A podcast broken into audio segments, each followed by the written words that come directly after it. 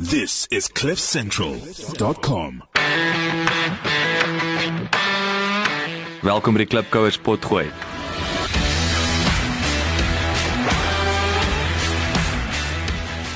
Klipkouers waar ons elke week met Afrikaner entrepreneurs en impakmakers gesels ten einde die beste praktiese besigheids- en lewensadvies met jou te deel. Jou gasheer en mede-klipkouer, Jacques Basson.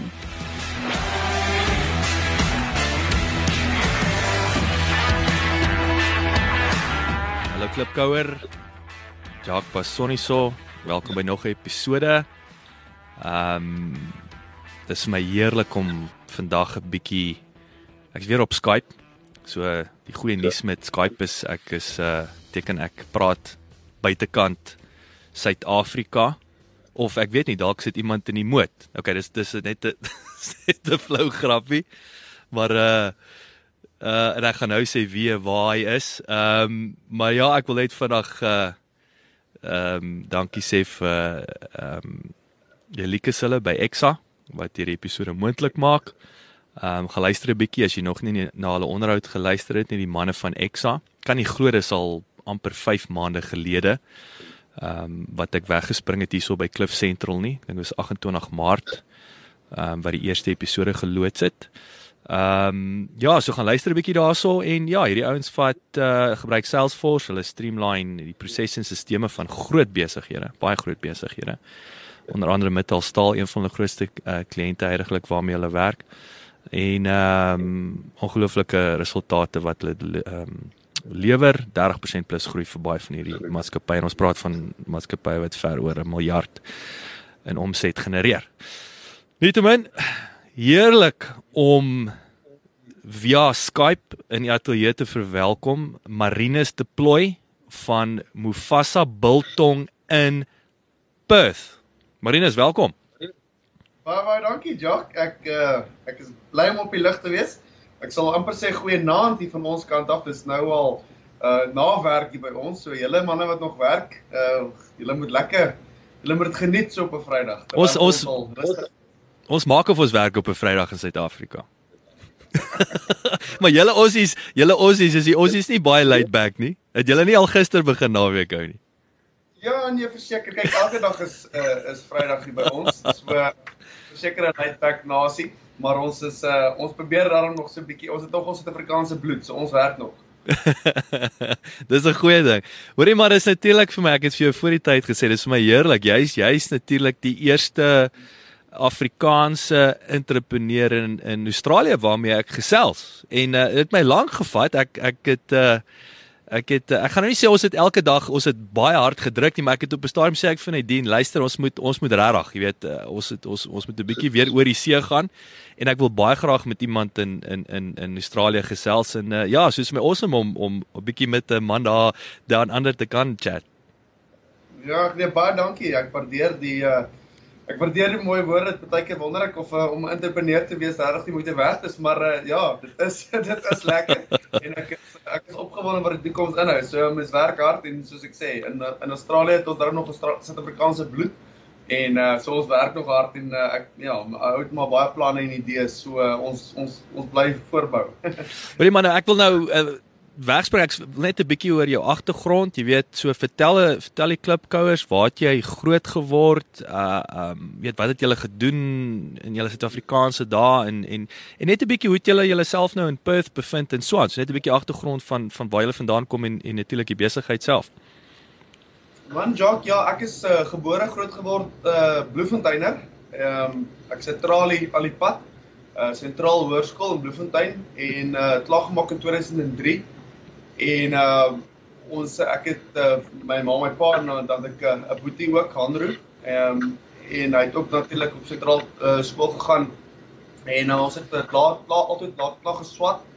Uh my boetie is 'n kragtige rugby speler gewees en uh na skool by die Griekwas bietjie gespeel en daarna toe het ons 'n uh, in of hy eintlik 'n uitnodiging gekry om om Australië toe te kom om te kom rugby speel. Maar ook gelukkig met dit het dit so gepas dat my pa uh was vir 18 jaar ja 18 jaar was hy by die departement van sielkunde by Kossies betrokke. En uh dit het so gebeur dat hy uh besluit het om Australië toe te kom. So in daai selfde tydperk het ons visums deurgekom en uh dit het toe nou mooi uitgewerk dat dat my boetie toe nou 'n rugby kontrak of 'n uitnodiging kry om toe kom rugby speel in 2006 in in Perth ook. En uh en ek en hy het ons tassies gepak en besluit ons kom so lank vroeër oor, uh los die familie agter. Uh laat ons maar ons dinge begin bou hierdie kant. En uh, ek en hy het toe Januarie 2006 ons oorgekom en maar op ons eie aangesukkel hierso. Uh man 'n uh, man met baie jae potjie krap as hy hier kom en ja, baie harde klippe gekou ook aan daai kant of aan daai tyd as ek nou die uh die pan mag gebruik. Mm. Maar uh dit was uh, dit was 'n ongelooflike experience. My pa sê altyd dit was ons army gewees. Mm. En uh dit was omtrent so gewees dit het uh was 'n baie lekker tyd maar ook 'n harde tyd gewees. En uh, my ouers het toe later in daai jaar hulle oorgekom en uh en ja, dis so ons toe nou uiteindelik die hele familie in 2006 hier is. Uh van daar af is ek toe uh bietjie hierdie kant en daai kant toe met werk probeer nog die Aussie way of living soos hulle sê probeer agterkom waar weet wie's wie en probeer nog die local mechanic kry en probeer die wie's die wie's die beste Suid-Afrikaanse dokter as hy een is en jy probeer maar die jou jou kontakte en kennisse opbou en so het ons maar aangegaan en ek het was gelukkig om eh, om daai tyd met uh, ek het met sales ek het uh, in bemarking gehad uh, gestudeer ook en uh, ek was gelukkig om daai tyd 'n werk te kry by Coca-Cola in Australië. En uh, ek is toe na hulle toe en ek was so om en by 6 6 jaar by by Coke gewees. Uh, wat voordat ons toe besluit om die om die besigheid oop te maak aan hierdie kant. En uh, en dis waar ons toe begin het om te besluit wat gaan ons nou regtig doen? My pa was nog steeds daar het ook hierdie kant toe uh by die departement van sielkunde by een van die universiteite betrokke in in Perth self. En uh net een oggend het die man uh wakker geword en hy het uh, hy voel dat die uh dat die Here vir hom gesê het hy het 'n plan in sy hart en en hy het deeltyd met hierdie ding ge gewik en geweeg en hy het uh, hy besluit hy gaan dit doen en hy het dit gedoen maak en en dis toe ons saam gesit het Ek sê waartoe van hier af wat gaan ons doen en en dis toe ons hoe ons besigheid ontstaan het en ons het dit uh as 'n familie saam begin maar uh dit was uh ja weer 'n keer baie harde tye gewees wat wat aanvanklik uh die begin tye was maar vandag gaan dit almal weer beter. Hoorie maar dit is is baie interessant. So kom ons kom ons kom terug en ek bedoel ek kan heeltemal ehm um, jy weet ek verstaan wat jy daai waar is die dokter? Ek bedoel ons het dit nou ervaar om net terug te wees in Suid-Afrika. Jy weet 7 maande maar net vir 7 maande is waar, waar is daai dokter? Waar is die tandarts? Jy weet is daai goed never mind nou nog as jy nog in 'n vreemde land is. Jy weet so in in in waar daai dokters werk anderste of voete so. Daai ja, dit is ek ek ek ek onthou selfs ons in Engeland gekom het, selfs om in die winkel. Dit klink nou simpel, weet jy, by 'n supermark instap en jy weet nie wat se tipe handelsmerk daai Jy weet jy het jou jy het jou creamy meal op die rak gekry. Jy weet jy ken creamy meal. Nou kom jy in Australië of jy kom in Engeland en jy kom agter hulle het nie creamy meal nie en of hulle het en hulle noem dit heeltemal iets anders. Jy weet so dit dit raak 'n ekskursie, amper 'n uur ekskursie om in 'n supermark rond te loop want jy weet nie wat is al hierdie handelsmerke wat se produkte dit is nie. Ek dink ouens onderskat selfs daai pyn in die gat wil ek sê faktor ja. met met 'n nuwe plek. Absoluut. En ek dink dis soos jy sê en ek dink dis vir ons vandag 'n uh, voordeel het in Australië dat jy al so groot verskeidenheid of 'n groot ehm um, groep of mark Suid-Afrikaners is uh van elke weet ewen blou bulle hierdie kant. En uh so ons deel maar met hulle nog sis ons met hulle deel in Suid-Afrika. En uh ons het uh, en en en jy weet die mense in ons besighede hulle hulle kom na ons om hulle soek huis. En, en ek dink dis wat vir mense lekker is hulle loop in by ons winkels en hulle hulle besef dis dis dieselfde produk, daai wat hulle ken, daai bietjie bietjie huislikheid wat hulle kry wat dit vir hulle bietjie amper makliker maak om hmm. aan te pas en weet uh, dan anders soos jy sê. Ja, en ek wil dit dit dit is dit is uh weer eens as jy nie daai gevoel ken nie. Ek ek het een keer 'n maand het ek ek het my plaaslike slagter gehad daar in Engeland, the Buck and Rose Uh ek het hom altyd Dave genoem. Ek het later verstaan sy naam is nie Dave nie. Hy het uh my ek het hom Dave, hy's hy's Dave gewees. Maar ehm um, weet ja. hy's 'n Natal ou gewees, maar dit was waar ek my my brandewyn kon koop, my biltong, my my creamy meal wat wat my kinders en ek is almal mal oor ons creamy meal. Maar dit dit dit was 'n lafenis om daar te gaan uh, uh ietsie spandeer. Maar maar sê gou vir my, wat uh, hoe daai tyd 2006, ehm um, Was daar baie hoe baie Suid-Afrikaners was daar? Hoe het julle die Aussies ervaar? Ek ek verneem ook 'n Aussie, jy moenie 'n Perth Aussie met 'n Sydney Aussie verwar nie. Uh is verskillende ja, kulture, is 'n verskillende Aussie tipe. So gee ons 'n bietjie meer vleis om wat wat se Aussie? Jy weet hoe lyk Aussie daar in Perth? Ja, ek weet dit is waar is ek ek wil amper dit terugvat na dieselfde in Suid-Afrika met 'n Kaapenaar en 'n Bloemfonteiner en 'n Pretoriaaner. Jy weet ons het, ons het ook verskillende aksente en ons uh, ons in net in die Vrystaat in die in die in die uh Gauteng area is ons is ons baie meer ek, wel volgens my is ons 'n uh, baie meer 'n vriendelike nasie amper wil ek sê die Kaapenaars het 'n bietjie meer hulle kliks, jy weet. So hmm. is dieselfde met die Aussie ook ehm um, Perth is weet Perth is 'n interessante feit is die uh wat hulle noem nou in die Engels is die uh, of kom ons sê maar Afrikaans is die mees uh, geïsoleerde stad in die wêreld. Vragtig. Dit is die verste plek af, jy weet, en en en dit is amper wat hulle noem omdat Wes-Australië en ons praat maar van WA, ehm um, sê hulle white the wild en uh en dit is dit is baie baie laid back in Wes-Australië. Die die die die typical Aussie soos hulle hier sê is regtig 'n baie laid back ou. Hulle is niks jaag hulle nie. Hulle is nie te veel ge-worry oor oor enige nuwe dinge of hoe dit werk of so nie. Waar jou Sydney en Melbourne is 'n uh, Aussie is 'n ongelooflike besige baie besige stad. So jy kry daar is jy is in daai in daai besige omstandighede die hele tyd. So jou jou jou leefstyl word ook soveel besigger. En ek het per toeval verlede jaar uh was ek 6 maande in in Melbourne gewees met my klein uh, babietjie was is gebore in Melbourne en hy moes uh hy's gebore met 'n hart met 'n hart uh, en hy moes toe nou vir 6 maande in Melbourne in die hospitaal gewees het. Sure. En uh, ons het uh, ons was ons het dit agtergekom hoeveel besigger die uh, die die plek is daarso as in Perth.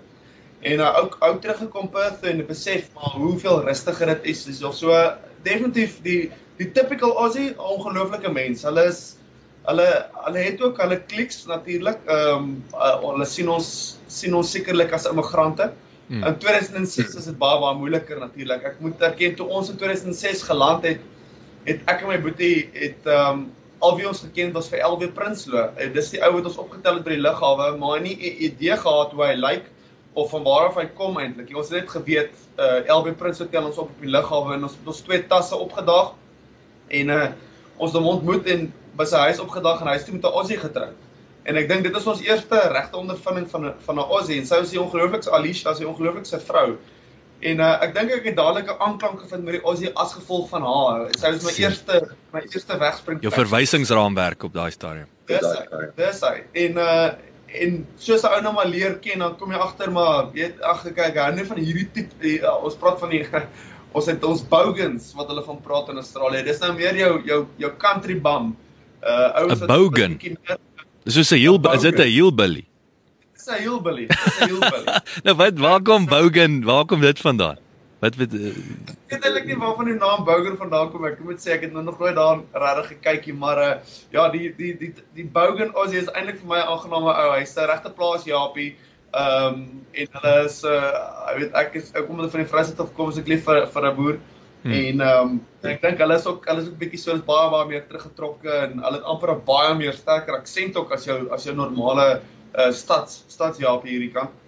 En uh maar soos ek sê oor die jare het 'n ou nou agtergekom, jy weet, nou vandag kom 'n ou in die land en ek wil amper sê die Suid-Afrikaner wat vandag in Australië aankom en nie iemand in Australië ken nie is is highly unlikely. Dit gebeur nooit. Die enigste Suid-Afrikaner wat deesdae vandag kom kuier of hiernatoe trek, het dit verseker 'n familielid of 'n vriend of 'n kennis wat of 10 wat hier bly.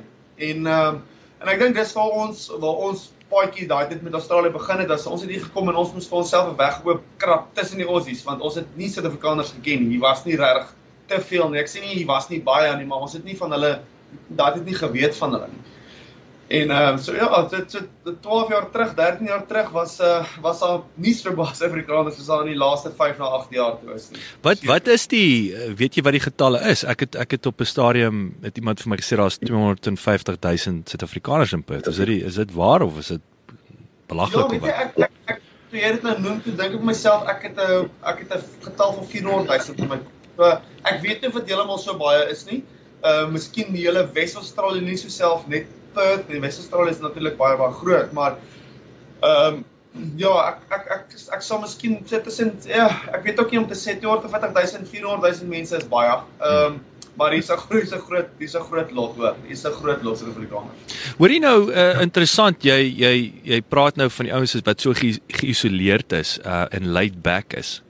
Ehm um, maar tog ek het nou die dag 'n klein videoetjie gesien, uh, promosie video van Perth en ek bedoel dit is dit is baie indrukwekkend. Um, jy weet wel om die video, die infrastruktuur, dit, dit is ultra modern, is pragtig. Uh, ek bedoel dis eerste wêreld uit en uit weet dit voel vir my 'n laid back ou 'n surfer dude bou nie so infrastruktuur nie.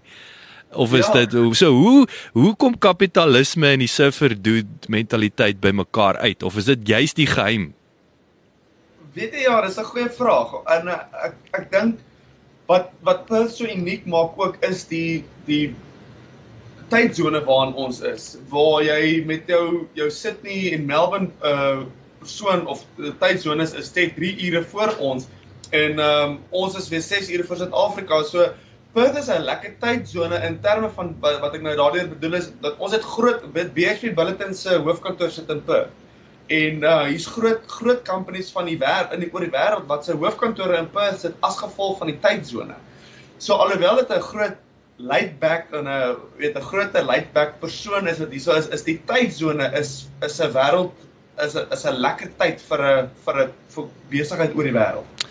En uh, en ek en ek dink dit is wat nogals maak al is die persoon wat die is is laid back is die is die besigheidsstruktuur van die van die dorp is eintlik uh, op 'n op 'n goeie plek geleë. Dis en is daai maar dis daai internasionale uh, besigheids uh, kultuur wat wil ek sê wat dan dan oorgeneem het of die standaard stel dan.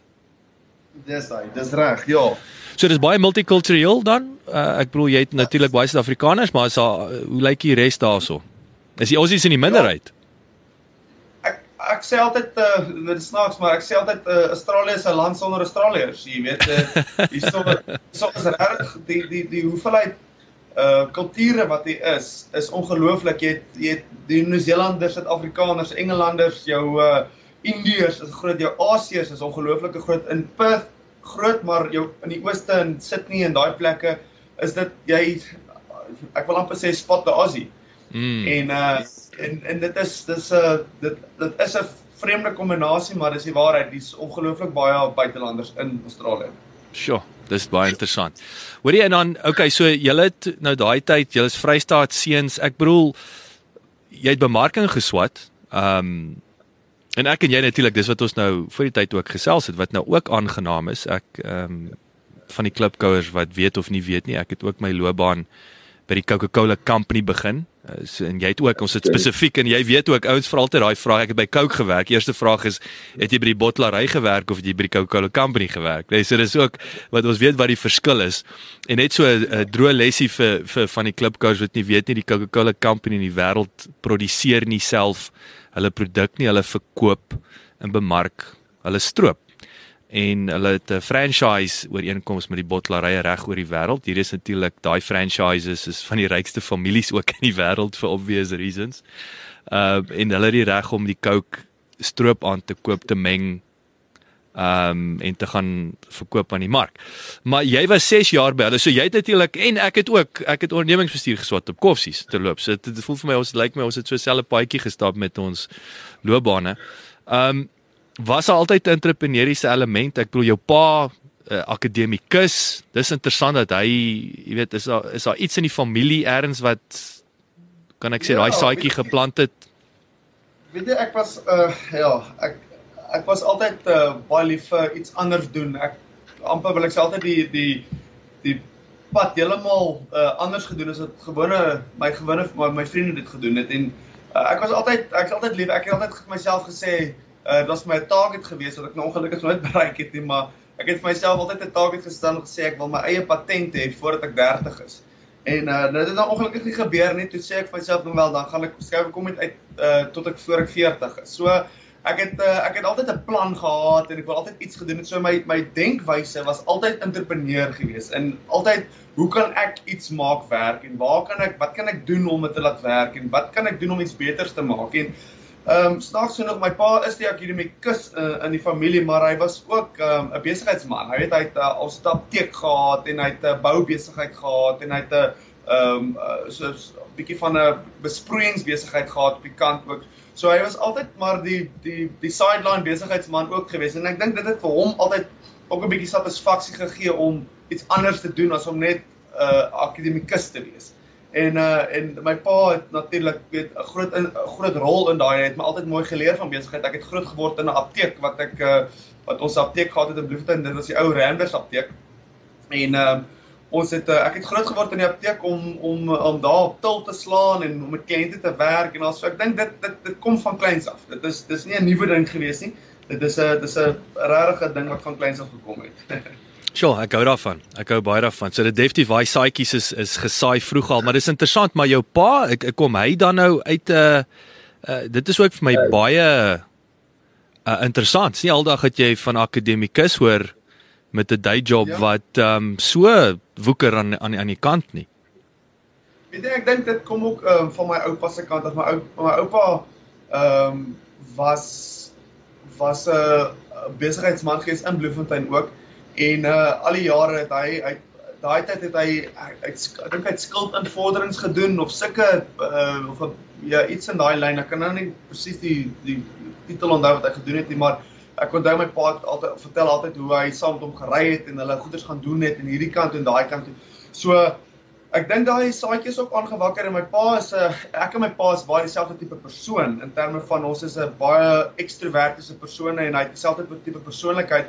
So ek dink my pa het van vroeg af besef hy wil nie in 'n kantoor sit heeldag nie. Ek dink vir hom wou hy altyd iets anders doen en hy wou altyd nog met mense gewerk het en ek dink die die sielkundige kant van hom was definitief die, om met mense te werk, maar hy het die entrepreneur kant van dit gesoek waar hy bietjie meer 'n ehm um, dit opwinding het as om net met 'n met, met aan die sielkundige kant van iemand te werk. Hmm. En uh en so ek was meerendeels met in die departement by psigopedagogiek in in in Bloemfontein gewees uh, in die in die uh uh opvoedkundige sielkunde en toe waar toe hy in later jare voordat ons oorgetrek het het hy toe 'n bietjie meer in sportsielkunde in beweeg.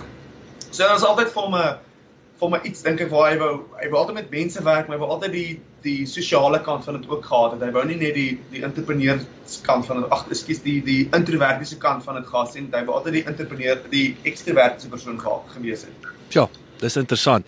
Kyk, natuurlik 'n ander ding wat jy weet so ek deel ook 'n liefde vir Bloemfontein. Ehm um, ek dink weet soos weet veral nou julle ouens wat daar groot geword het en so aan nog meer spesiaal, maar my uh my peetpa Jan Basson het ehm um, hy het hy het mobile gas gehad op Bloemfontein. Ehm um, jy weet en hy was in die daai jare, ek dink die workshop um, restaurant is dit later al daai was hulle kantore. Ek onthou nog altyd ek's daar ek dink ek het Dousie die eerste keer daar gesien voor sy loopbaan uh uh um, jy weet vlam gevat het. Maar um, en hy was daai jare, hy was die grootste gasverskaffer uh, in die Vrystaat te Soet. Ek dink hy die weermag kontrak gehad. Dit dit was die dit was die big deal. Maar ja, dit was hy was die groot entrepreneur in die in die familie. Jy weet, so dis vir my altyd se kan Bloemfontein dink ek assosieer dit baie met met met besigheid en entrepreneurskap en so aan. So dit is ehm um, maar my punt is hoekom ek nou van my oom praat en en en, en ek onthou as ek altyd na sy stories geluister het. Jy weet, Bloemfontein het ongelooflike entrepreneurs uh geproduseer en produseer hom nog steeds wat vir my baie interessant was as ek dink aan kloppers ek dink aan Iman motors jy weet dit is um en dit is vir my ook 'n geïsoleerde area ek wil nie sê dit is so geïsoleerd soos Perth nie nê nee, maar dis hierdie stukkie daar in die middel van die land en die manne maak hom op ja kyk ek dink ook Bloemfontein het uh jy weet daar's nie regtig veel om te doen in Bloemfontein so die ouens drink maar en as 'n ou drink dan kom jy met goeie idees ek dink dis dalk 'n groot rede hoekom dit meneer Volbring. Is dit daar's daar's baie uh uh uh al die oplossings van die wêreld word elke naweek daarso uh uh vasgevat. Mauricio, so so hoe het hierdie besigheid nou? So jy het gesit natuurlik eendag gesê luister, ons ons wil 'n ding doen. Mufasa Biltong so. Okay, gee ons weer eens gee ons die storie en dan en dan gaan ons in die besigheid self in. Jy weet hoe lyk hy nou? Ehm um, Ja, so ons het ag jy weet 'n ou Suid-Afrikaanse Suid-Afrikaner is ons is almal lief vir ons jag en uh en ons het ek het groot geword met 'n jag. En uh soos dit nou al was het my pa op kom self uh, geleer biltong maak. Ehm um, my ouma, my ouma my ouma grootjie het eintlik 'n uh, lekker biltong resep gehad dat sy toe net maar vir my pa gegee het ehm um, toe hy nou maar groot geword het en een van my pa se vriende het hom toe nou daai tyd geleer hoe om vleis reg te sny en te slag en te keer te gaan. So altyd as ons gaan jag het, het my pa altyd sy eie biltong ook gemaak. So dit was vir hom 'n ongelooflike hobby geweest om dit te doen. En ehm um, ek dink ons het uh, ja, ons het soos ons nou maar groot geword het en nou ou gaan jag dan dan is dit nou altyd lekker om om jou eie biltong te maak en tot jou eie tot jou pelle nou jou biltong begin proe dan sê hulle maar kan jy nie vir my ook biltong maak nie. En uh dit het toe nou vir my pa 'n lekkerder hobby hobby geraak want dit het raak nou hy kan nou 'n dag of twee weg langer weg bly van die werk af. En uh so het gebeur dat as 'n ou gaan jag en die vriende bring hulle vleis ook om te om om vir ons om te bewerk of my pa altans. Ehm um, het dit vir hom so groot liefde geraak dat hy geweet het dit is iets wat hy baie graag van hou en dat hy altyd sal graag wil doen en toe ons nou in, in daai tyd in Australië kom, snaaks genoeg om, 'n vinnige storie te vertel oor dit het ons by 'n ons eerste bazaar daai in 2006 dink ek by einde 2006 was ons uh, by Afrikaanse kerk betrokke en uh, hulle het 'n bazaar gehad en uh, my neef of my ma se neef, ekskuus, het um, hulle was ook in Australië gewees of is ook in Australië daai tyd gewees. En uh toe hy met 'n 'n skuifskiet kompetisie wen hy toe 'n 'n 'n klein biltong kassietjie om biltong in te maak. En uh hy sê dit vir my pa, maar hy sê jy moet dit ding vat want ek gaan regtig die biltong maak. Ek kan nie weet hoe om te doen nie. Uh jy moet maar vat en dan kan jy vir my 'n kilogram biltong verniet gee net as jy net uh, jou eerste batch gemaak het. so dit het ons die ding gevat en ons vandag dat ons ons gaan maar begin vleis soek. Hy sê hom van gaan vleis soek en uh hy het toe van vleis gaan koop en ons het biltong gemaak en vir hom gegee vir die neef gegee. En uh hy het baie natuurlik baie daarvan gehou en hy het net vir een van sy pelle vertel en die pelle het gesê maar hoorie kan ek ook by jou koop en So dit begin en my pa het gesê wel die klein kassietjie gaan dan nie almal uh kan kan verskaf nie. So kom ons koop maar nog eenetjie.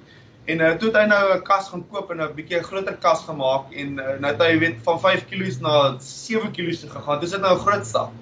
En uh en so het hy nou groter geraak want tussen die pelle wat nou almal vra maar dit is ook 'n bietjie biltong en dis hoe dit begin het eintlik. Ehm um, wat uh, wat toe nou 'n hobby geraak het, raak toe nou eintlik nou 'n bietjie van 'n werk op die kant. En ehm um, En dis toe soos ek sê waar my pa nou die een oggend wakker word en hy het net um, hy het lank gesukkel eintlik met die hele aanpassings uh, struktuur van Australië om weer 'n dosent te wees vir die universiteit. Was hy nie regtig voor lus nie. Ehm um, gesukkel om om regtig aan om ek wil amper sê weet nie sê om vriende te maak nie, maar net om om sosiaal te voel hy's gelukkig omdat hy met graag met mense wil werk. En ehm um, en hy hy het gevoel het weet die Here sê vir hom hy moet uh, hy hoekom hoekom doen hy nie waarvoor hy lief is nie. Ehm um, en dit is om biltong te maak en ons het gesê okay kom ons try. En uh, ons het begin biltong maak van van die huis af daai tyd. Uh op 'n groter bietjie groter skaal toe hy nou al 10 of 15 of 20 mense wat hy by hom elke week wil biltong koop of elke tweede week. En uh en dit het op 'n punt gekom waar hy hierdie besluit moes neem om te sê kom ons kom ons maak 'n winkel oop uh waar, waar ons kan begin biltong maak en en dis dis hoe dit begin het. Yes, ek like dit.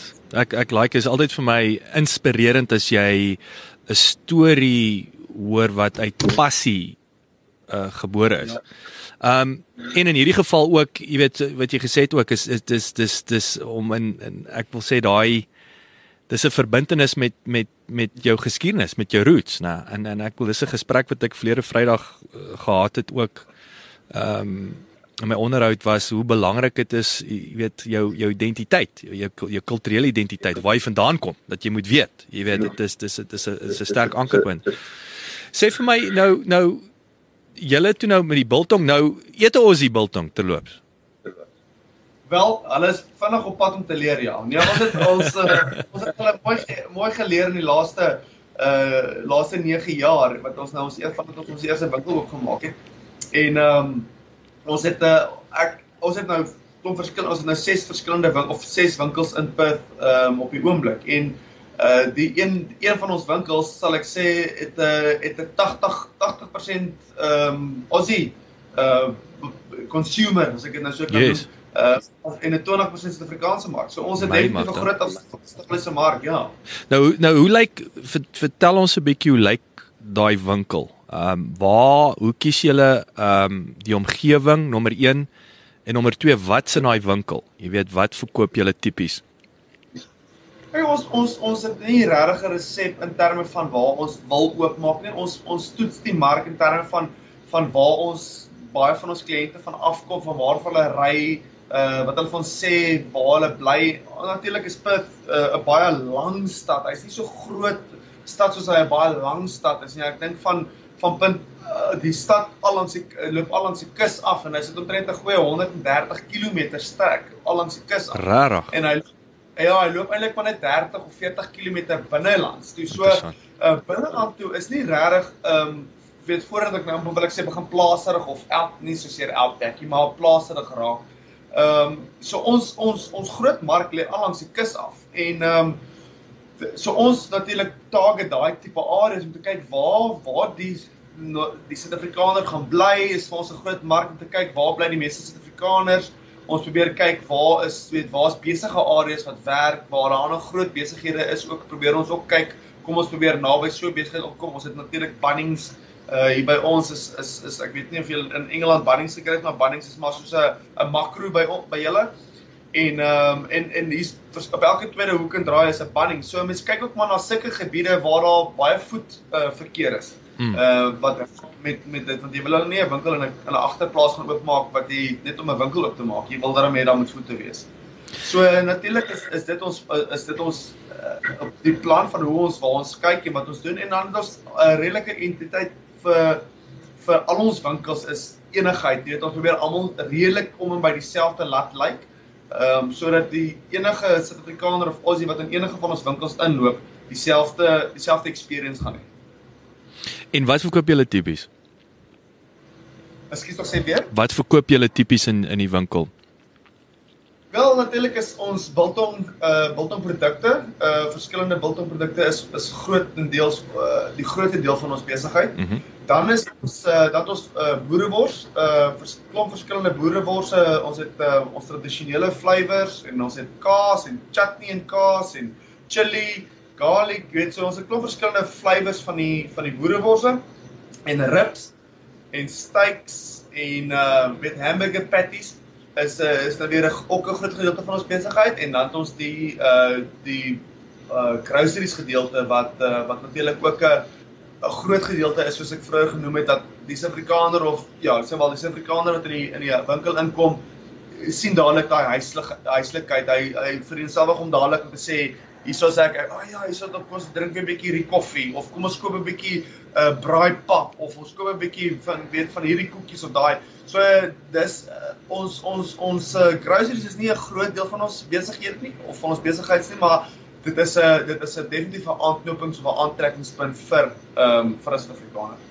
Nou, ek weet in Engeland, uh, ek nou gepraat vroeër van my creamy meal. Het jy creamy meal vir my? Absoluut. Wat jy wil hê, my pop tega.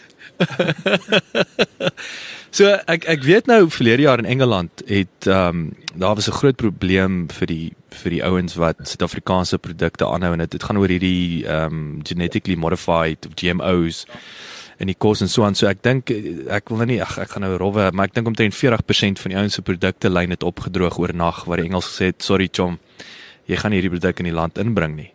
Ehm um, hoe se dinge in Australië? So ek wil 'n bietjie aanraak met die uh, kompleksiteite van die winkel uh, opset. Jy weet, so kom ons kom ons gesels 'n bietjie meer oor is dit maklik om 'n om 'n lease te kry?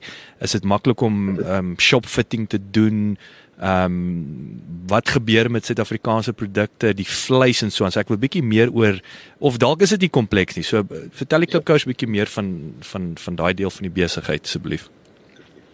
Ja, kyk om 'n besigheid op te maak is of jy nou karparte verkoop of biltong verkoop, dit is dis nooit maklik om om om 'n besigheid op te maak. Altyd is altyd moeilik en uh om om te besef waar begin nou? Jy weet wat wat moet eers gebeur? En uh ons is daarom nou al op daai punt uh, na na die sesde winkel wat ons nou oopgemaak het om te weet, okay, waar om te begin. So die proses het vir ons makliker geraak. Maar dit bly nog steeds uh dit bly nog steeds 'n challenge vir ons om om altyd op die regte pad te bly in terme van om weet jy moet nou jy het nou groter prosesse of jy het nou groter uitgawes, jy het nou groter dinge en dis maar meerendeels die grootste uitgawes uh, uh, um, challenge wat ons kry is is hoe hoe ons besigheid groei. Groei ons te vinnig? Groei ons heeltemal uit ons uit, uit ons raamwerk uit wat ons kan beheer op die oomblik? Uh hoeveel hoeveel meer het ons nodig op die oomblik? Het ons 'n groter fabriek nodig? Jy weet en, en ek dink Ineos vir ons is die challenge groter op die oomblik as wat dit aan die buitekant is. Ons buitekant is redelik uitgesorg.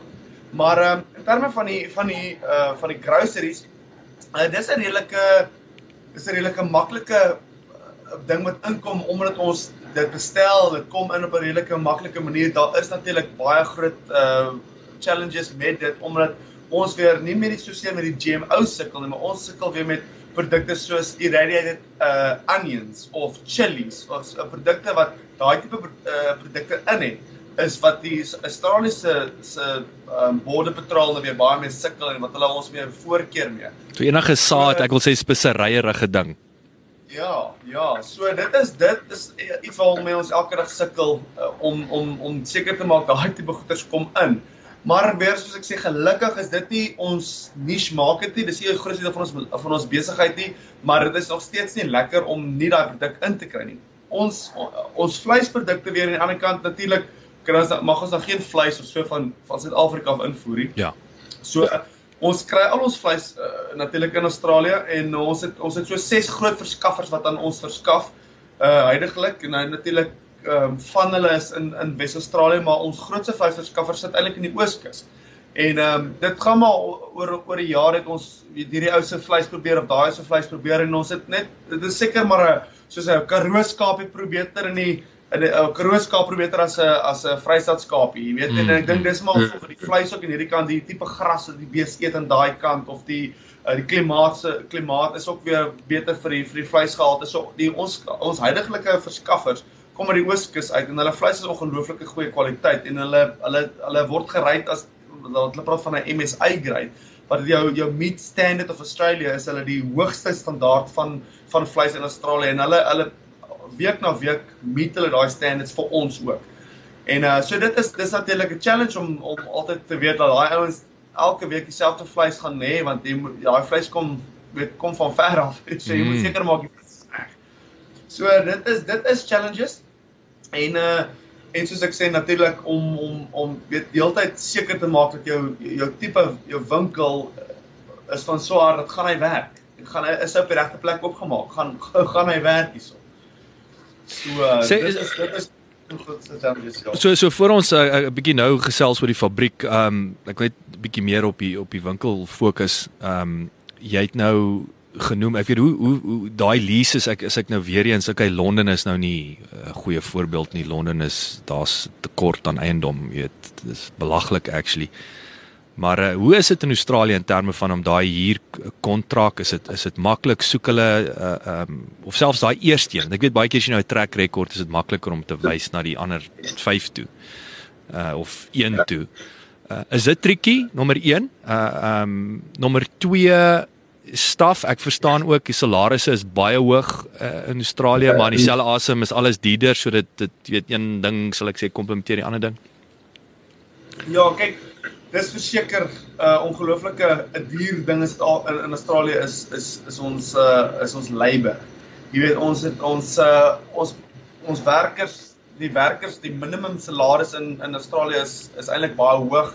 Wat is dit terloops? Wat wat is jy dit nou in rand moet vinnig? Ek ek, ek, ek, ek gaan nou vir jou jok as ek moet uh die korrekte bedrag maar ek dink dit is uh, dis 14 14 dollar per uur wat ons sê rof rofweg word 40 word 50 rand per uur is. OK. So dis 'n uh, dis dis dis duur en en ek sê 14 dollar per uur is wat jou wat jou eintlik jou skoolkind opwerk. Jy weet die ehm um, sure. jou jou 'n bietjie meer tot en met 20 van 20 jaar af en op begin die ouens na 18 20 dollar en en dan begin hulle opgaan na meer toe. So dit is 'n groot challenge is om om seker te maak ons uh jy, jy het nie te veel mense te ander nie, maar jy wil ook nie te min ander nie want jy wil nog steeds groei. So jy, jy, jy het altyd daai weegskaal van het ons te min mense, het ons te veel mense. Wat gaan as ons te veel mense het, wat gaan die implikasies vir vir uh vir weet in terme van van hoe gaan dit die besigheid beïnvloed om een of twee ekstra is aan te vang? So dit is belangrik om om om te weet te weet waar staan jy met hoeveel mense moet is is goed vir jou besigheid en hoeveel is te veel vir jou besigheid. dit aan die een kant en dan is soos jy sê jou lease is ongelooflik duur. Ehm um, geboue, persele is dit in in Australië is ongelooflik ongelooflik duur om te huur. Ehm um, ons uh, dit is dit is ons grootste uitgawe. Verseker ons grootste uitgawe elke maand. Dit is definitief daar's nie eers twee dinge oor dit. En ek dink dit is sekerlik oor die wêreld ook so. Maar um, in in Australië verseker een van ons hoogste uitgawes elke maand. En uh, maak hulle jou teken hulle jou vas vir 'n jaar of hoe werk daai hoe lyk daai kontrak tipies? Ja, kyk die gebou waar uh, ons nou is met ons fabriek het ons vasgeteken vir 10 jaar. Hmm. Ehm um, maar wat vir ons natuurlik voordelig is want ons wil nie ehm um, al die klomp geld wat ons spandeer om die plek op te rig uh, en net vasteken vir 'n jaar of 2 of 3 en dan na 3 jaar vir ons kyk ons moet waai en dan moet ons ehm um, dan moet ons ons goederes vat nie want hmm. dis net 'n geld. So ons wou liewer se vasteken. Ons is ons is gelukkig om vir 10 jaar vasgeteken. Ehm um, so dit is elke jaar gaan dit gaan die pryse op en elke jaar is dit 'n is dit 'n moeilikheid, maar die, die ding is dit moet gebeur. Ek ek verstaan mense mense het 'n mense het uitgawes wat moet betaal en die die tipe klas dinge, maar hier is ongelooflike duur op, op, op sy verseker. Ek wil net terugkom na die staf toe weer. Is is is is die talent volop? Ek bedoel ek ek hoor jou wat jy nou sê in terme van jy moet versigtig wees om nie te veel of te min mense aan te stel nie, maar as jy nou besluit luister ek het nou twee ouens nodig, is dit maklik om om goeie mense te bekom? Hoe is daai werksetiek en kultuur of stel jy maar net nog 'n Suid-Afrikaner aan? Nee, dis 'n dis 'n baie goeie vraag. Ehm um, weet in ons in ons ons het ons het net Suid-Afrikaners wat vir ons werk. Natuurlik het ons Suid-Afrikaanse winkels, so ons verkies Suid-Afrikaners wat vir ons werk uh natuurlik verkies ons Afrikaners. Uh dis nie dat ons hierdie kant of daai kant argument met iemand gehad oor dit 'n rukkie terug wat gesê jy sit in Australië, maar ek hoor wat iemand sê maar om vir iemand om 'n om 'n Aussie nou op te lei oor wat is ouros? Hoe proe ouros of uh wat is wat is erme? Weet ja, hoe ja. gebruik jy erme? Dit uh en daai klasgoeders is moeilik om vir 'n Aussie van vooraf te lei behalwe nou nog vir 'n 'n nuwe persoon in die uh, Afrikaner om te om hom te ons strukture of ons manier van dinge doen te leer om uh, ons het te verduidelik oor hoe pro hierdie produk of hoe pro hierdie produk is net soveel meer challenging. So ons stel se Afrikaners aan, dit is ons eerste keuse. Dan natuurlik soos jy sê die wie stel jy aan? Het jy het jy 'n groot mark van van uh Suid-Afrikaners wat wat gekwalifiseerd is? Nee, ek ek dink nie ehm um, jy het te veel Suid-Afrikaners wat gekwalifiseer is vir vir natuurlik vir ons in ons industrie nie. Jy het nie te veel experience nodig natuurlik nie, maar om in die fabriek te werk sal ons verkies as jy darm al 'n mes vasgehou in die lewe of darm al 'n steak in die lewe geëet het dat jy ten minste weet hoe moet hy vleis en hoe proef vleis.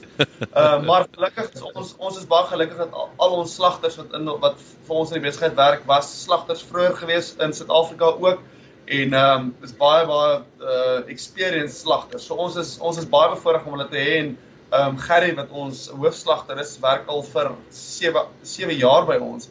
En hy's 'n ongelooflike aanwinst vir die besigheid en ons is ons is baie lief vir Gerry en hy doen 'n baie goeie werk en ehm um, jy weet en, en en dit is dis vir ons om hom te kan hê met sy kwaliteit uh werk wat hy doen en um, is dit vir ons 'n groot aanwinst, maar om hom te replace byvoorbeeld Ehm um, dit gaan moeilik wees. Ek moet sê om iemand te kry wat jy weer kan vertrou, weer kan oplei en weet weet volgens ons strukture te kan werk is moeilik, maar dis nie onmoontlik nie.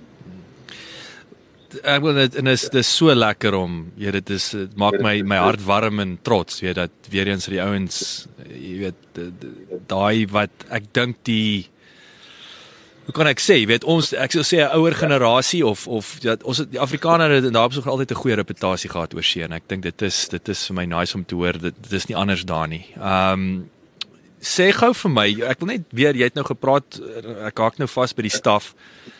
Hoe hoe het julle geweet wanneer dit tyd was vir vir winkel nommer 6 byvoorbeeld? Of for, for that matter no, winkel 2 3 4 5 6 wanneer is dit tyd vir nommer 7 het julle 'n tipe van 'n formule hoe hoe gaan julle te werk om om te bepaal wanneer wanneer jy weet dit nou tyd is vir vir ehm um, vir daai groei uh, ons is ja my my pa sê altyd jy weet ons moet in 'n ding ingroei en uh, en ek dink dis vir ons waar ons altyd onsself bevind is om te kyk waar was ons 'n jaar terug met hierdie winkel? Uh hoe het ons gegroei met hierdie winkel? En wat is die potensiaal vir potensiële groei vir die winkel? Ehm um, dan kan 'n ou sê okay, ons is definitief op 'n op 'n op 'n plek waar ons weet okay, ons het definitief tyd nodig vir nog 'n winkel in in 'n verskillende area. dit is belangrik in die eerste plek om te kyk hoe het ons as 'n winkel of as 'n besigheid gegroei om te besef of om te bepaal is daar is daar rede vir nog 'n winkel, is daar potensieel vir nog 'n winkel. Dan kyk jy na jou areas op waar ons uh sien okay daar's baie Afrikaners in die area of daar's 'n definitiewe 'n uh, 'n gedeelte van die, van van 'n sekere area wat ons weet mense vra vir ons uh, weet byvoorbeeld op die oomblik om 'n idee te gee is ons uh, ons stuur produkte van ons produkte elke dag na Melbourne of Sydney of Tasmania of soos oor die land en stuur ons ons produkte.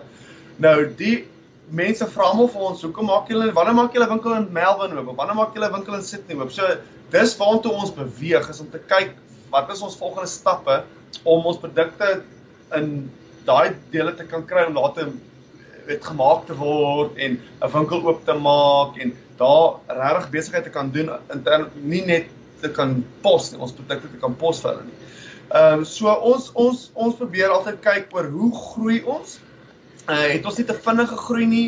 Ehm um, groei ons met die met die stelsel en en dan natuurlik wat baie belangrik is vir ons is uh hoe kan kan ons nog 'n winkel uh se hoe kan ek sê die die ehm um, verspreiding van die produk om het ons genoeg spasie om nog 'n winkel se se se demand te vat. Hmm. Het ons mense om daai te het ons genoeg masjiene om nog uh, eh, sê 10 of 15 of 20 kg 'n week van 'n produk aan te kan vat. Het ons genoeg spasie vir dit? As ons sê nee, dan moet ons nou eers ons insette in ons kant probeer regstel. Dis seker kos kry nog 'n masjien wat uh 10 kg ekstra week byvoorbeeld kan maak of 20 kg en dan sê ons okay, ons is voordat ons insette nie reg is, kan ons nie uitset nie. So ons moet altyd seker maak ons groeiproses is reg om nog 'n groei uh pyn te aan te vat, wil ek sê. Sjoe, dis baie is baie goeie advies daai.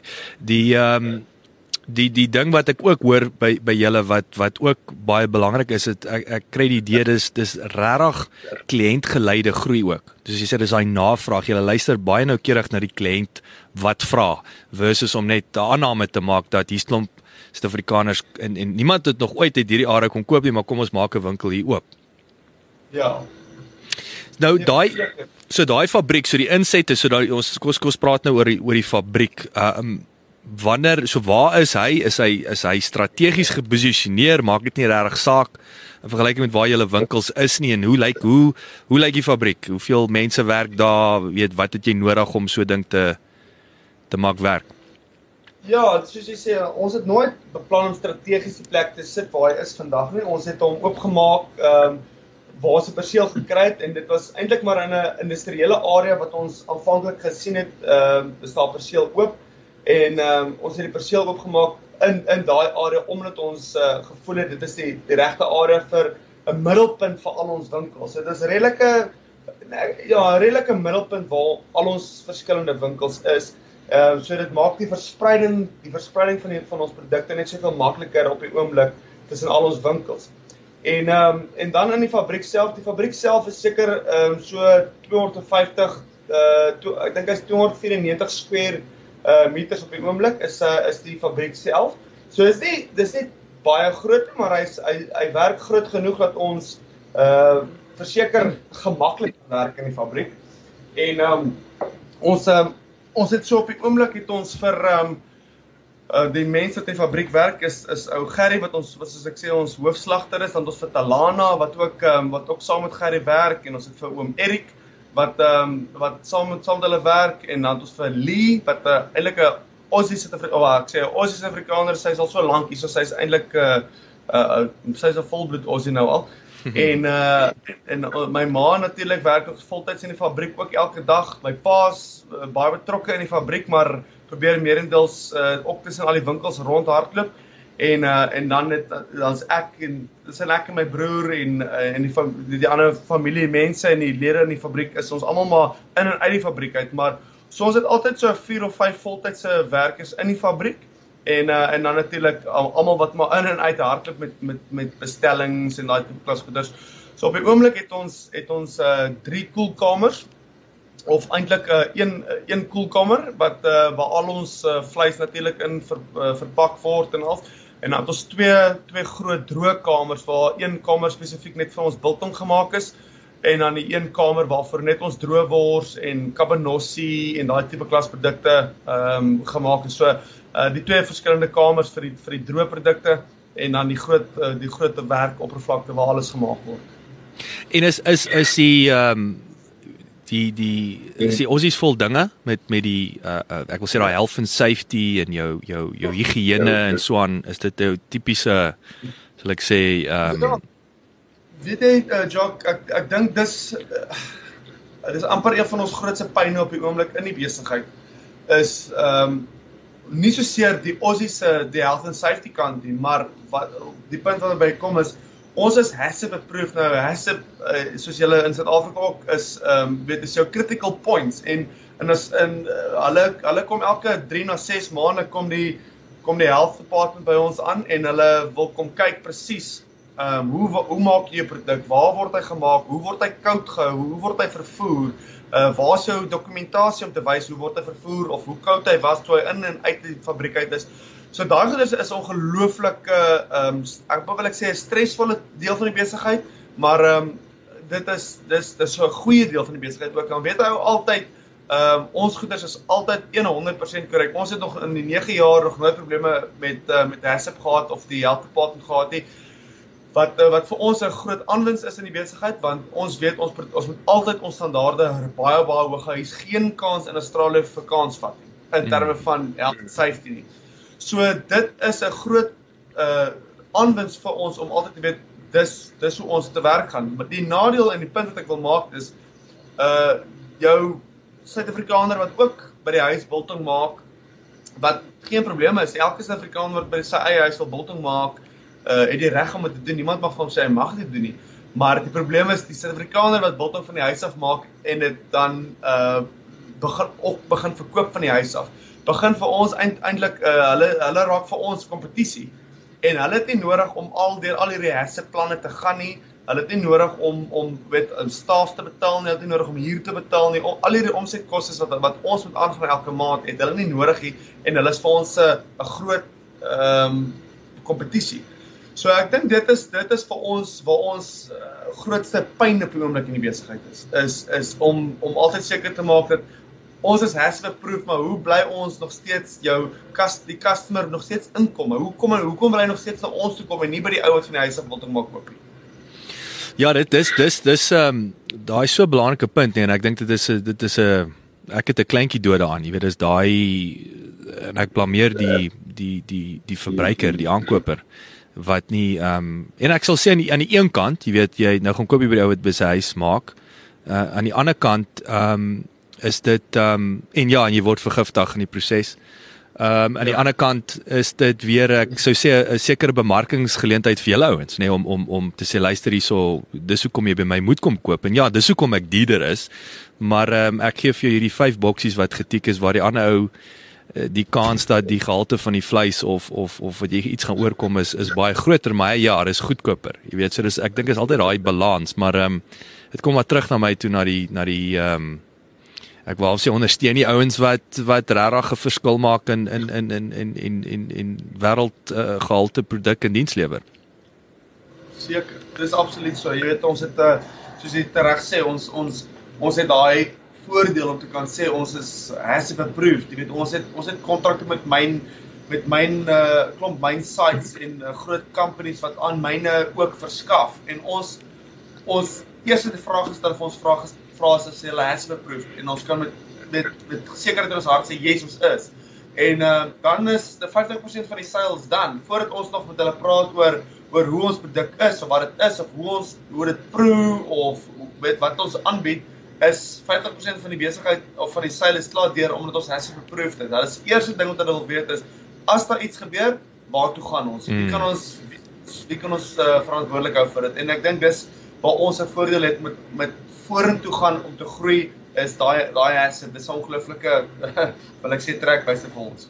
En natuurlik is 'n barrier to entry, nê. Nee. Ek dis nie elke uh, tweede Willie Wally wat HACCP approved gaan word nie. Ja, glad nee, jy kan jy gaan nie huis beproef die huis wees, verseker. Hmm. So so nou jy ek's nou bly jy die myne en goed genoem. Wat weet so jy het natuurlik nou die die die ses winkels. Ehm um, en jy het nou genoem, jy weet julle julle uh ehm um, verkoop aan aan aan ander ehm um, stede en so aan. hoe lyk ander kliënte? Het julle aanlyn besigheid? Ek bedoel is daar so daai e-commerce element, verkoop julle rou vleis aan aan ehm um, aan aan restaurante? Ek neem aan daar moet seker 'n hele paar Suid-Afrikaanse restaurante wees en so aan. Ja, weet jy ons ons het ehm um, Spur is is hier by ons. Uh Spur, ons het nou al 'n uh, sekere goeie, ek dink 4 4 Spur takke hier by ons. Ehm um, ons challenge met met die Spur gedeelte is Spur Spur wil byvoorbeeld hulle verkoop 'n 250 gram styf byvoorbeeld. Nou ons kan nie ons het nie 'n laser cutter om vir hulle 'n presies 250 gram styf te kan sny nie. 'n Laser cutter is 'n ongelooflike duur produk om aan of 'n uh, masjinerie om aan te hou. So uh, ons kan nie ons kan ongelukkig nie aan Skype verskaf uh, ekskuus Skype aan aan Spur uh, verskaf nie. Ehm uh, as gevolg van daai rede nie. Maar ehm um, ons ons droëprodukte is maar eintlik ons ons grootste mark. Ons steaks, wors en uh jy weet jou amper seker jou nat braai produkte. Dis nie iets wat ons aan aan ander plekke verskaf nie. Ons is redelik ehm um, amper wil ek sê ons amper uh suinig met ons produk in terme van ons wil hê mense moet na ons winkels toe kom en by ons ons produkte kom koop. Ek wil nie hulle moet hom by by by die by by die Spar of by die Coles of by die Woolworths um takke gaan koop nie want dit beteken ons skep vir onsself 'n ander mark en ons kry nader nie meer ons eie kliënte terug nie hulle gaan koop dit net by by iemand anders. So dis dis ietsie waarop ons waar wat ons sekerlik op regtig kan groei op. Uh, ons ons kan sê kom ons gaan verskaf aan Woolworths. Ons het in terme uh, intendeel het ons 'n uh ons het 'n kontrak wat met Woolies wat ons môre kan teken en sê ons is reg, ons ons kan hulle verskaf. Maar as ons dit doen, beteken dit ons gaan vir onsself ons mark verdeel en ons in ons kliënte wat na ons toe kom, gaan ons produk by Woolworths gaan koop in plaas van om by ons te kom koop en ek dink dit gaan 'n effek hê op ons winkel. So ons moet ons moet sit en sê hoe hoe hoe gaan ons hierdie ding regtig bemark sodat ons ons eie kliënte self behou en ons moet dit ons moet dit stelselmatig instel te sê ons verskaf aan aan niemand ons natprodukte nie. Ons droë produkte biltong en ehm um, en daai weet jy jou chili bites en daai tipe klas dinge ons verpak hulle. Ons het ons het 'n verpakkings uh stelsel wat ons masjien wat ons ons biltong verpak en ons het soos ek genoem het het ons kontrakte met myn uh myne wat of eintlik kan aan ouens wat aan die myne verskaf aan ehm um, uh soos sê maar Spotless byvoorbeeld is 'n baie groot company wat aan klomp verskillende myne ehm um, hulle besit die verspreidingskanale uh vir die kos. So ons het 'n kontrak met Spotless byvoorbeeld. So al die al die uh myne wat aan Spotless behoort, ons verskaf aan hulle ons ons droë biltong produkte. En en en elke en elke ehm um, myn site bestel net by ons wat hulle wil hê en ons stuur dan vir hulle maar die verpakte produk. So ons maak 50 gram pakkies of 100 gram pakkies van ons biltong of die chili bites of ons uh weet billy bites wat ons tradisionele snapstick is. Uh ons verpak dit en ons stuur dit dan na die myne toe. So dis vir ons 'n verspreidingskanaal wat ons gebruik want ons kan dit ons kan dit hanteer. Maar ehm uh, maar die natprodukte is vir ons moeilik om te hanteer as ons dit aan iemand anders moet verstaan. En en ek en ek neem ook aan jou jou jou marges is net baie hoër met die droog as die nat, nê? Nee. Absoluut. Absoluut. Dit is dis definitief ehm um, ek weet om uh, amper wil ek 'n geheim weg te gee, maar ek ek, ek leer altyd my mense wat vir my werk, leer ek om sê vir hulle, ehm um, weet ons biltong is ons dis ons money maker. Jy weet jy soek ehm um, as 'n kliënt by jou winkel instap, soek jy hom jy, jy wil hom by jou biltong hê. Ehm um, dit is waar jou dis waar jou geld lê. Ehm um, boerewors, droewors, askies boerewors en en jou en jou ehm um, grocery produkte het maar 'n baie smal uh, klein margin. So dis dis dit help vir jou turnover, dit help vir 'n bietjie besigheid uh, om mense in die winkel in te kry, maar jou groot geld of jou groter geld of margins lê definitief vir jou droë produkte, ja. Hoor jy nou so gepraat van droë produkte?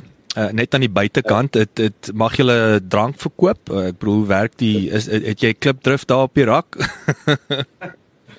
nee, weet jy, ehm um, daar on, ons mag nie, ons het nie 'n lisensie om te verkoop nie, maar ons kan 'n aansoek doen as ons voor wil maar uh, ons het besluit ons gaan nie ons gaan nie daai uh stappie vat nie. Ag, die rede maar ook is as jy dit wil doen, moet jy jou moet jy dit toesluit. Jy mag nie iemand in die winkel hê. Ons het in al ons winkels is daar altyd 'n iemand wat kom uithelp. Jy weet dat 'n sê 'n skoolkind is wat kom uithelp. Nou jy mag nie jy mag nie in die winkel iemand onder 18 hê wat werk dan uh as daar drank is nie. So dit gaan dit vir ons ons het net gevoel dit gaan vir ons vorentoe dalk met probleme gee. Ehm um, hier's genoeg genoeg Suid-Afrikaanse of ek sê nie Suid-Afrikaanse nie, maar genoeg drankwinkels wat Suid-Afrikaanse drank verkoop. So ons het, ons het net gevoel ons het nie nodig om daai markte probeer tackle. Ons fokus op wat ons wat ons in goed doen het. En weer 'n so 'n belangrike les is julle is nie julle probeer nie alles vir almal wees nie. Nee, definitief nie. Ja, soos jy sê, ons ons probeer nie ons probeer nie 'n one-stop shop vir elke ding wees nie. Dit dit is ideaal vir vir sekere dinge en vir sekere mense absoluut.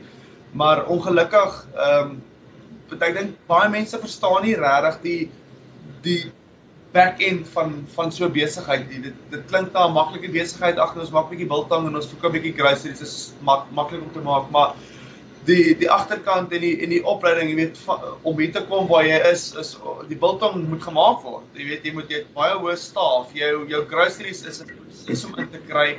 Dis duur om in te kry. Uh jy jy kom as jy 'n 'n container met met groceries inkry, staan jy die kans dat daai ouens vir sê, "Sorry, jy mag hierdie produkte inbring nie."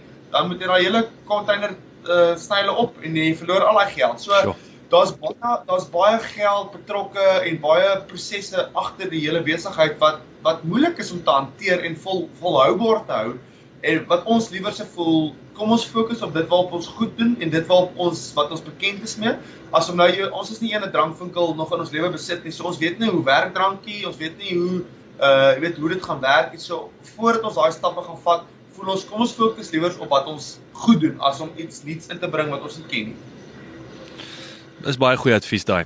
Ehm um, nou jy jy het gepraat van die weet ons ek wil dan verkope raak Marinas jy het, jy het genoem weet die, die mense in die winkel biltong is dis dis ons goud. Ehm um, wat nou lekker was is toe ek jou ook gesels het weet om jy weet uit 'n koöperatiewe wêreld uitgekom het en en wat ons ook oor gesels is uh, uh, genoem het is dat ek weet dat ouens wat uit corporate uitkom ons verstaan die belangrikheid van 'n proses en 'n stelsel en dit is altyd interessant toe ouens wat juis raai omgewing kom en hulle begin 'n besigheid of so en dis een van die eerste goed waarna hulle begin kyk en dis iets wat jy ook baie vinnig uh, geïmplementeer en implementeer in die besigheid. So vertel 'n bietjie die klipkouers meer van van daai prosesse sisteme. Ek weet jy het genoem in in terme van die verkoopskant. Hoe lyk daai ding? Hoe weet hoe verkoop is dit in-store sales? Is jy op die telefoon? Uh, hoe lyk daai julle reps? Hoe lyk daai goeder? Ja, ons het ons het ons op die oomblik het ons ses uh, retail winkels, ehm um, wat wat ons al ons al ons produkte verkoop en dan is dit ook 'n online uh, met 'n online uh, gedeelte van die besigheid waar ehm um, soos ek vroeër genoem het, ons het baie orders uit ehm um, Melbourne, Sydney en waar ook al die ou in Australië sit. Daai daai kliënt bestel alles online. So as 'n uh, ou online gaan op ons op ons webwerf wat net profasabiltong.com.au is, ehm um, gaan hy dan al ons produkte kan sien en hy sit dan alles in sy in sy basket en hy en dan natuurlik kom die order na gewoonlik na my toe en ek doen maar al ons ehm um, al ons online orders en die bemarking gedeelte van dit. So ek stuur dan elke dag uh, soos die orders deurkom stuur ek hulle uit uh, en dan ons soos ek sê ons ses retail winkels wat ons ehm uh, waar waar alles van verkoop. So ons fabriek maak alles, ons biltong word gemaak daar en die boerewors en alles word gemaak daar en dan word versprei na ons ses winkels toe wat dit dan ehm uh, net verkoop op op 'n uh, daaglikse basis. En wat wat is wat sou jy as jy een ding moet uitsonder wat jy by Coke geleer het wat jy in die besigheid toepas vandag, wat sal dit wees? Oh, uh kies the feet and take the money. Ja, jong. Uh, Just take the money, jy moet geen voete soenery nie. Just take the ja. money. Ja, ek weet ek dink ek dink ehm um, ek dink een les ja, daar's baie lesse wat ek by Cout ek moet sê ek is ewig dankbaar vir wat ek by Cout geleer het en uh, ek dink ek het dit vroeër vir jou genoem dat ek het baie van my van my van my training wat ek by Cout gedoen het in terme van weet uh, sales techniques of training vir hierdie of daai kant toe het ek ek het 'n uh, alles saamgevat en ek het een program geskryf vir ons as 'n besigheid en in elke nuwe kliënt elke nuwe werker wat in die besigheid inkom sit 'n dag saam met my en ons gaan deur hierdie hele struktuur van hoe ons besigheid werk, waarvan ons hou, wat ons probeer om nie te doen nie, uh en dan wat is ons vir ons belangrik? En ek dink uh wat uit daai tyd uitkom en een van my twee belangrikste feite vir elke liewe persoon wat in my ek kan met toe sit en ek dink as een van een van ons werkers nou moet instap gaan ek vir hulle vra wat is die twee belangrikste goeders wat uh, wat ek altyd op aandring is en dan gaan hulle vir jou sê is uh as 'n kliënt hier instap of as hy uitstap, moet hy een van twee dinge kan sê en dit is of die beste customer service wat hy in sy lewe gehad het of dis die beste produk wat hy geproe het. So hy kan nie uitstap en nie een van die twee hê nie. Hy moet een van die twee gehad het. En en dis iets natuurlik uh weet kan 'n ou weet die kliënte wat uh, dalk gaan voel jy jy het nie op daai en daai vereistes voldoen nie, maar uh, dis vir ons belangrik. Nou 'n les wat ek daai geleer het is om te sê ek voel altyd mense onthou altyd hoe jy hulle laat voel en nie wat jy vir hulle sê nie. En uh ek, ek dink dit is belangrik vir ons met ons kliënte op so 'n manier ons het so relationships wat ons bou met ons kliënte dat ons uh, dat ons voel hulle hulle onthou hoe ons hulle laat voel. As hulle uit se voel hulle hel. Dit was nou 'n lekker experience. Ek gevoel ek by die huis is in as ek sê huis pak ek van Suid-Afrika. Ons 'n lekker produk gekry. Dis nice mense wat daar werk. Ehm um, ek wil graag terugkom so toe hulle onthou ons vir hoe ons hulle laat voel het en nie net wat ons vir hulle gesê het nie. Ek hou baie daarvan. Weer eens baie kragtige lesse daai. Nou so gepraat van kliënte diens. Hoe is die Australiërs of sê hoe's Perth? Jy weet ek het ek het in die week weer met 'n ou gesels toe toe praat ons weer van Amerikaanse diensvlakke wat op 'n ander planeet is. Ek by die Engelse kom jy daar naby nie. Ek dink Suid-Afrika Ek sê altyd in sekere sektore het jy glimpses daarvan. Ek dink in elke land, jy weet, ek kan nie sê dienste Suid-Afrika is swak nie, want dit hang af wat se tipe besigheid dit is en dit hang af wie daai besigheid bestuur en wat daai kultuur is. Maar as jy nou net oor die algemeen kan kan uh vir die klipkouers, jy weet, die indikasie gee, is is die Aussies wêreldklas soos die Amerikaners wanneer dit by diens kom. Weet jy, ek ek gaan eerlik wees en te sê nee. Ehm um, uh jou tradisionele Aussie omdat hy redelik laidback is. Ek dink ek dink dit kom van kleins af. Ons as Suid-Afrikaners het groot geword. Uh geen of jy in die hoogste privaat skool in die land is of in 'n baie dit ek wil nou amper sê 'n baie average publieke skool is nie. Uh jy's altyd geleer van van respek. Jy's altyd geleer van van hoe om met mense te werk in terme van ek het groot geword om op te staan vir 'n ou wat ouer as ek is en om 'n ou in die oë te kyk as jy hom groet of mm. ehm mm. um, en ek dink daai daai respek uh gedeelte is iets wat in ons ingebore is as 'n Suid-Afrikaner. Geen nie om uh van watter kant af jy kom, jy kan jou jou grootste stout gat by die skool sal altyd nog 'n uh, 'n uh, 'n uh, leier of uh met respek het teenoor 'n ouer mens. Mm. En uh en ek dink dit is wat is dit in Australië uh, baie voor in dag kom is die Suid-Afrika ons Suid-Afrikaanse mark is baie van alle Suid-Afrikaanse winkels ook ons het baie kompetisie hierso. Ehm um, en elke Suid-Afrikaanse winkel hierso het oulike mense wat vir hulle werk of oulike Suid-Afrikaners wat in die winkel werk.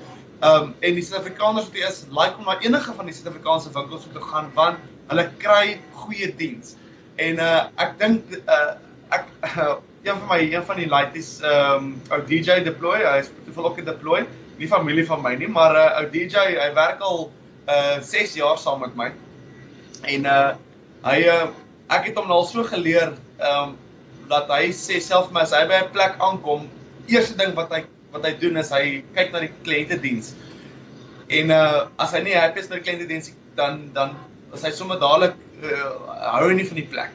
En uh, ek en hy ek en hy gesels baie oor dit en ek dink dit is wat die tradisionele Aussie se kliëntediens is 20 jaar agter Suid-Afrika. So ek ek moet sê ek erken uh al Suid-Afrika die Aussie is nie is nie so groot gemaak om hulle is nie geworry oor respek eintlik in terme van op te staan vir jou of jy om jou hand te skud of om self voor te stel en nee. So as dit kom by besigheid uh vir kliëntediens is hulle is hulle ver agter En en ek wil net vinnig daarby aansluit. Ek dink dis iets wat ek ook uh, 'n naïwiteit aanvaar het tot ek 'n bietjie meer oor met ouens gesels het oor Australië wat wat daar weet vir al 'n pel vir my wat uh hy het ehm, 'n um, jaar en 'n half gelede is hy sit nie toe. Jy weet so om my vars perspektief te kry van hoe is dit? Nou okay, sit nie is 'n stad, jy weet ek sê altyd mense moet versigtig wees. 'n uh, 'n uh, 'n uh, uh, Londenaar is nie 'n Brit nie, 'n uh, uh, Parysenaar is nie 'n Fransman nie. Maar Hulle is nie soos ons nie. En dit is die dit is die die die boodskap wat ek gekry het. En as ek nou weer luister wat jy sê, ek dink baie Suid-Afrikaners wat hier sit daai 'n uh, uh, droom om eendag Australië toe te gaan is omdat hulle meer soos ons is, maar is is is ek reg as ek sê dit is nie so nie. Ja, weet jy, dis is 'n is 'n dis is 'n goeie punt want 'n Suid-Afrikaner uh, Aussie sien baie ek dink oor die laaste 10 jaar het die Aussie se die tradisionele Aussie se se se uh besiening oor oor oor die, die, tradisionele Suid-Afrikaner het verander. In terme van toe ek hier gekom het onthou ek het hulle as ons by 'n plek kom en hulle hoor is 'n Suid-Afrikaner of hulle hoor jy tak sê dan vra hulle eers eens vir jou uh ah van, van waar af is jy? Ehm uh, dit in eerste plek en dan die tweede vraag was ehm um, is hoe is jy nog 'n arrogante Suid-Afrikaner of as jy ook so arrogant of as jy met hulle gesprek voer, kom hulle agter sê hulle vir jou, "Eers julle klomp Suid-Afrikaners is daarom verskriklik arrogant." En ek dink uh, oor die jare het ek uh, het dit nou verander na hulle vra net meer vir van waar jy kom, hulle vra vir jou, "Oos jy van Pretoria af of jy van Bloemfontein af?" Jy weet hulle hulle weet dadelik jy's 'n Suid-Afrikaner, maar nou begin hulle ook al agterkom van watter kant in die van Suid-Afrika af jy is. Hulle kan nie net veralgemeen nie. Ja, en en en hulle het ook nou uh, verander na punte wat hulle elke Aussie sê nou al ek het 'n ook ja, my beste vriend is 'n Suid-Afrikaner of ek het 'n Suid-Afrikaner is my meisie of my ou. Jy weet en en uh, so ons Suid-Afrikaanse uh, kultuur het so ingepas by die by die traditional Aussie, maar ek sê nog steeds ons is nie dieselfde as hulle nie. Ons is definitief uh, en ek en ek sê dit met 'n uh, ek dink 'n bietjie trots in my hart. Ons is nie arrogant nie. Ek dink ons is net uh, doeteenvoudig regtig en doeteenvoudig um, eerlik as dit kom by ehm um, van hoe ons met mekaar praat en hoe ons goeie sê ons ons taal is ons is 'n passie oor Afrikaans ons 'n passie oor oor ons land en oor of weet Engels in Suid-Afrika het ons I mean uh, 11 uh, uh, official languages in Suid-Afrika. Ehm um, dis 'n dis ongelooflik om te kan weet dat ons so 'n vibrant culture het in Suid-Afrika dat ons uh, dat ons dit moet embrace. Oh, en en ek dink ons het vir 11 verskillende kulture met verskillende tale bymekaar kom en ons het natuurlik is dieselfde land maar almal het kom uit 'n verskillende uh, kultuur uit so maar ons almal lewe saam uh, in Suid-Afrika. En ek dink dis vir ons uh, geleerheid en groot geword het dat om in 'n ander land te kan wees ons kan met enige taal en enige kultuur oor die weg kom maar ons kom dalk baie ehm um, weet ek wil ek sê direk of reguit of eerlik voor wat arrogant kan kom want uh, uh, ons is like nie van van direkte uh, direkte antwoord. Hulle hou van 'n omdraai antwoord. So definitief So hulle is hulle is Dis interessant. So hulle is hulle is meer Brits as wat hulle dan besef. maar hulle is actually Brits. Nee, hulle ons ons ek ons lag altyd ons praat van die red tape in Australië en uh weet 'n uh, ou kan nie inkom uh en hy sê vir jou maar dit moet so werk. Uh dan sê vir hom ja, dit is dit is hoe die boek sê dit moet werk, maar dit is nie hoe dit werk nie. Uh jy weet so hulle hulle hulle hou van nou dink volgens die boek te werk, maar hulle self sal bietjie die law verdraai as dit kom by uh om 70 km in 'n 60 sone te ry uh is vir hom okay, maar om by sy in sy werkstruktuur volgens boek te hou is 'n moet. Jy weet so hy hy, hy sal in sekere plekke sal hy glad nie die law wil verdraai nie en in ander plek sal hy nie omgee om bietjie die law te verdraai nie. So dis daai red tape van waar alles weet hulle is so lyk dubbel ja. Oh ja. Maar ek wil nou terugkom wat ek gesê het, hulle is hulle is Brit, hulle is actually hulle is Britse kriminele, so ek net my feite reg kry, maar maar nie te min. Maar dis nou dis fascinerend. Ek wil jou laaste vraag vra. Ek gesels alweer so lekker met jou, maar ek sien die tyd hardloop weg met ons. So Marinus, wat wat as jy na Perth kyk as as 'n entrepreneur, ek moet jy te besigheid van scratch af daar, jy weet julle julle en ek bedoel dis ook julle baie nis, nê. Nee, dis nie eers dat julle so baie nis produk Hoe sien jy die volgende 10 jaar uh vir vir vir SMEs in Perth? Is daar dinge aan die gebeur? Uh um ek weet die mynbou het 'n groot impak sleg en en goed op die plaaslike ekonomie. Hoe sien jy dinge verwikkel, die verwikkelinge daar vir SMEs oor die volgende paar jaar? Weet jy, um dis 'n uh, dis 'n goeie vraag in terme van waar ons as 'n besigheid as 'n Suid-Afrikaans ons moet altyd nou dink as 'n Suid-Afrikaanse besigheid. Jy weet ons ons is nie 'n ons is nie 'n BHP Billiton of 'n Coca-Cola of 'n internasionale company wat ons met enige mark te doen kry nie. Ons is redelik gefokus natuurlik op Suid-Afrikaanse mark en dan die mense wat om ons is, die Suid-Afrikaanse Aussie of die Kiwi of wie ook al is. So ons wat vir ons belangrik is, wat ons baie fokus vir die volgende nou soos jy nou vra vir die volgende 10 jaar is ons ons huidige huidige generasie van ons 10 tot 20 jariges. Ons 10 tot 20 jarige ehm um, teenagers soos ons nou maar praat van is ons volgende generasie kliënt. So ons is ons is baie baie gefokus op uh kinders wat saam met hulle ouers in die besigheid inkom wat kom hallo sê of hulle kom koop biltong en so. Daai kind moet op moet nou al so gefokus bly en so gekondisioneer word om te weet as hy oor 10 jaar um of oor 5 jaar 'n plek kom waar hy net mag studeer het en hy begin sy eie geld verdien uh en hy kan sy eie biltong of sy eie boerewors koop. Waar gaan hy dit koop? Hy gaan dit met vaste biltong koop. En uh en so ons is ons is in daai in daai industrie waar ons ons tegniek ons ons uh huidigelike teenagers moet probeer opvoed om te sê oor volgende 10 jaar moet hy ons volgende kliënt wees en natuurlik ons huidige kliënte moet ons probeer hou. So dit is vir ons belangrik en en en ek dink ehm um, weet sosiale media is is iets wat ek ek jy, ons almal weet dit verander daagliks. Ons uh, elke dag is daar 'n nuwe tegnologie wat uit is.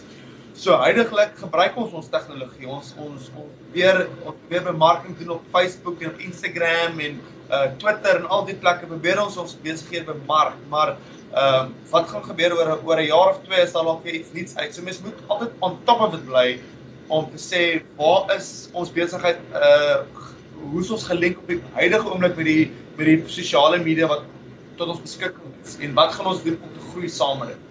So ek dink dis vir ons belangrik om te sien waar ons oor die volgende 10 jaar gaan wees is definitief uh vir my uh, vir my persoonlik is is ons huidige huidigelike generasie van 10 tot 20 jaar. Dis daai ek wil sê julle moet julle met die nuwe palette opvoed. Ehm um, Absoluut. En dit is nee, ek wil en dis dis weer eens 'n ek dink wat ek laaste ding wat ek daar daarvan sal sê ook in, in is daai weer eens die ek wil sê die lifetime value van 'n kliënt nie, dis amper die lifetime value van 'n van 'n Suid-Afrikaanse familie op hierdie stadium in Perth vir julle.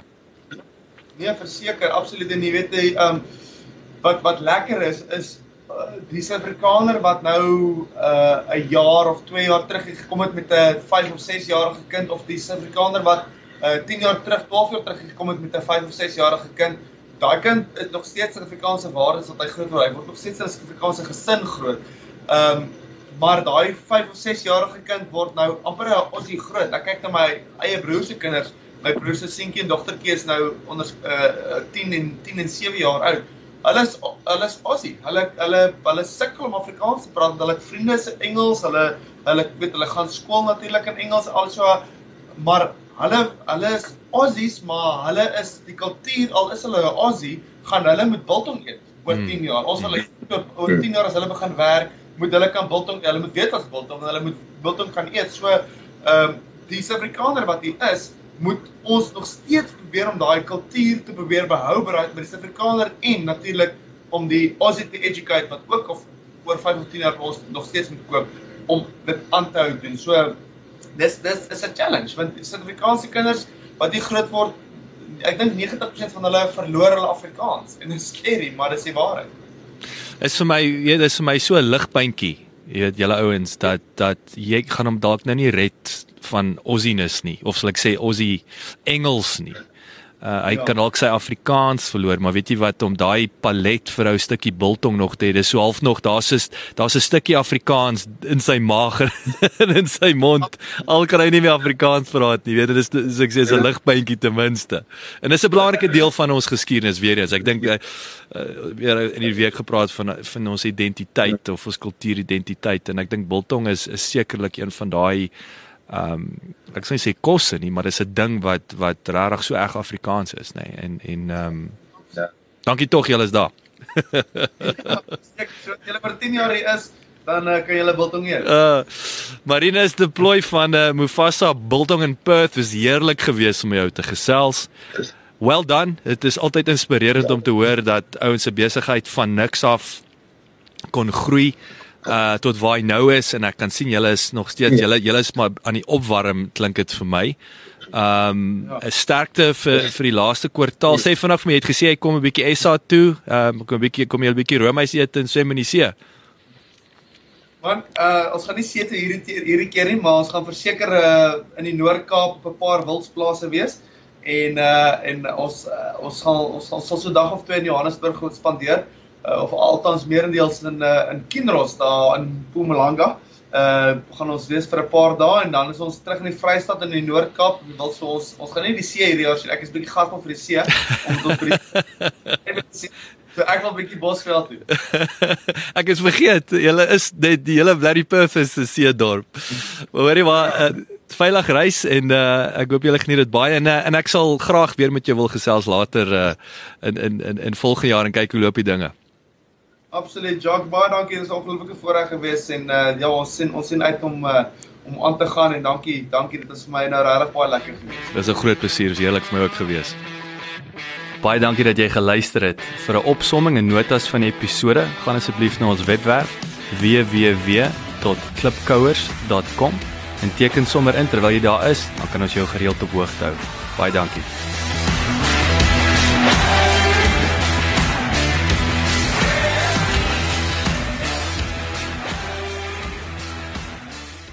This is CliffCentral.com.